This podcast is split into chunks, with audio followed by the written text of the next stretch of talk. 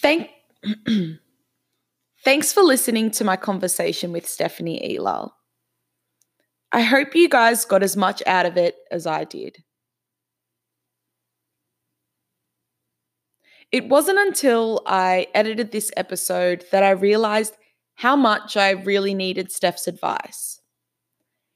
And it led me to now what I look back at as quite a significant moment in my life and my career.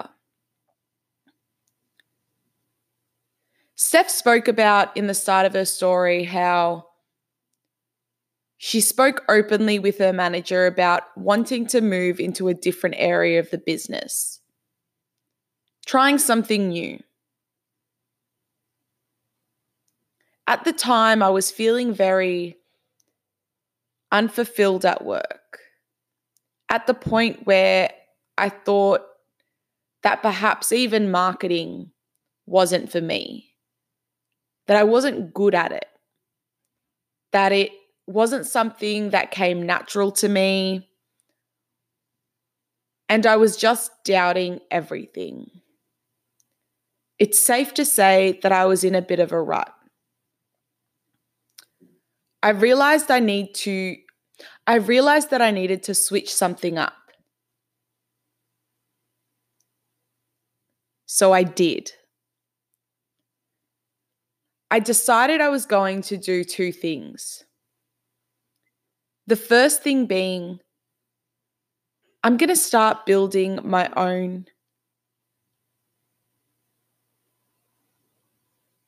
I'm going to start building up my own personal profile, my own brand, myself, something that I will always have.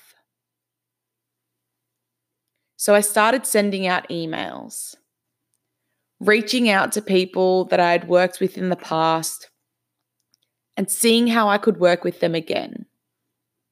Letting them know that I was starting to do new things. I'll speak a little bit about them later. But more importantly, what I did and what is going to set the challenge for this week is that I was open and honest with my manager at the time about how I was feeling. I booked a meeting with him so that I couldn't bitch it. I booked some time in his calendar so that I would force myself to have to have a sit down with him. I walked into his office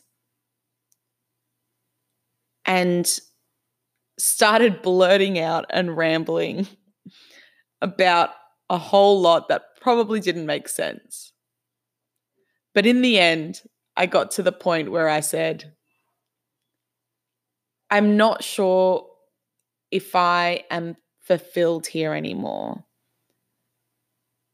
I'm not sure if my skills are what the business needs. And I'm not sure if the environment is one that I'm thriving in. In saying that, the workplace I was in was great. I had flexibility. I was able to do what I wanted. The people were so lovely. But I wasn't sure if it was the right place for me. This honest conversation led to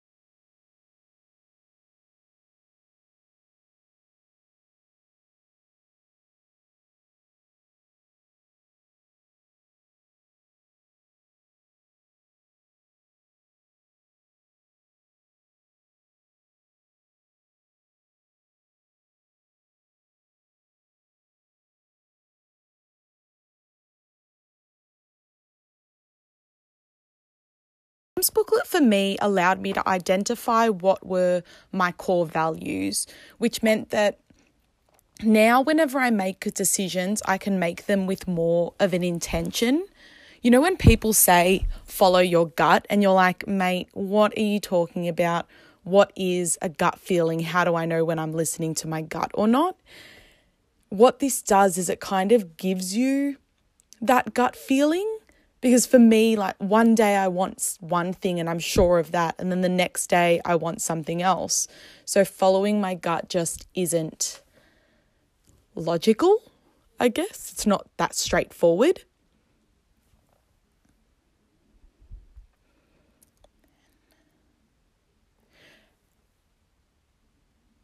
And sometimes we don't get to just fall into things. Like a lot of people end up in a great career or a great relationship or great friendships by accident or by chance. But I think for a lot of us, we don't get that. So, this allows you to make moves intentionally and to go after the things you know you want and you know make you feel great and put you in the best position to succeed.